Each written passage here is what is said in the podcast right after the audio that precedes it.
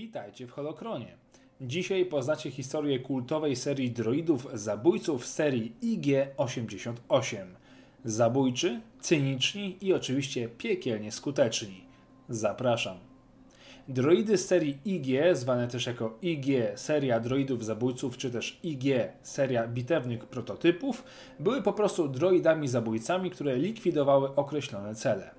Zaprojektowano je w laboratorium HoloOne, a sam model został oparty na wcześniejszym projekcie IG-86.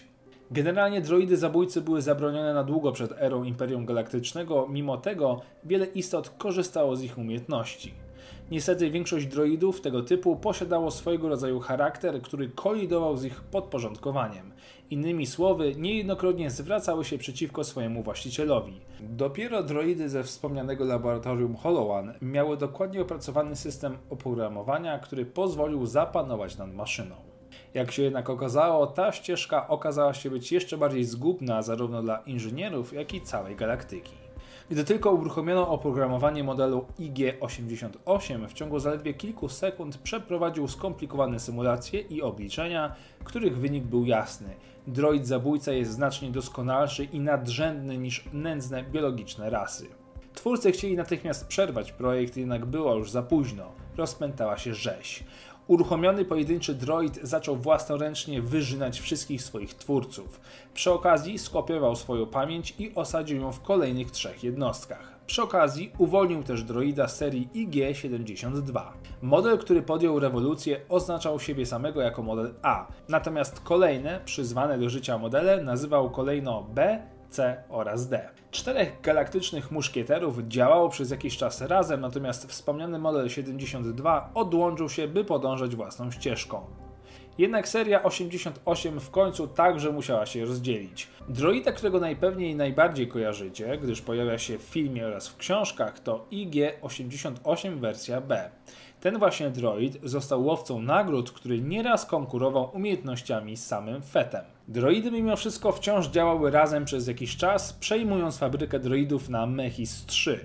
Niektórzy spekulują, iż oprogramowanie serii IG zostało z góry ustalone przez zewnętrznego gracza, który sprawił, iż droidy wymordowały swoich twórców.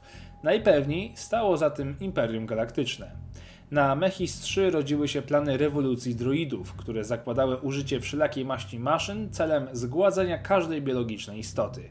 Każdy z produkowanych droidów, obojętnie jakiego rodzaju, miał zakodowaną rozwiniętą samoświadomość, która miała być uruchomiona na dany znak, który wyda seria 88. Celem miało być ogólne powstanie droidów i zniszczenie wspomnianych biologicznych wrogów. Dalsze losy droidów z tej serii są nie mniej ciekawe. Wspomniany model z oznaczeniem B dalej działał jako łowca nagród, by jednocześnie być przykrywką na rozpoczynającą się rewolucję. Poległ jednak na Bespin w mieście w chmurach, unieszkodliwiony przez konkurencyjnego Feta. W międzyczasie model A próbował rozpocząć kolejną produkcję droidów na planecie Lok, jednak cały projekt zakończył się porażką i śmiercią droida. Kolejne modele C oraz D również spotkały na swojej drodze najlepszego łowcę nagród. Boba Fett podczas wymagającej i trudnej walki zdołał unicestwić model C, natomiast model D, mimo poniesionej porażki, ledwo uszedł z życiem, ale nie na długo, bowiem jakiś czas później padł podczas pojedynku z Dashem Rendarem. Dzięki za wysłuchanie historii o droidach serii IG-88. Koniecznie zobaczcie inne odcinki i oczywiście niech moc będzie z Wami.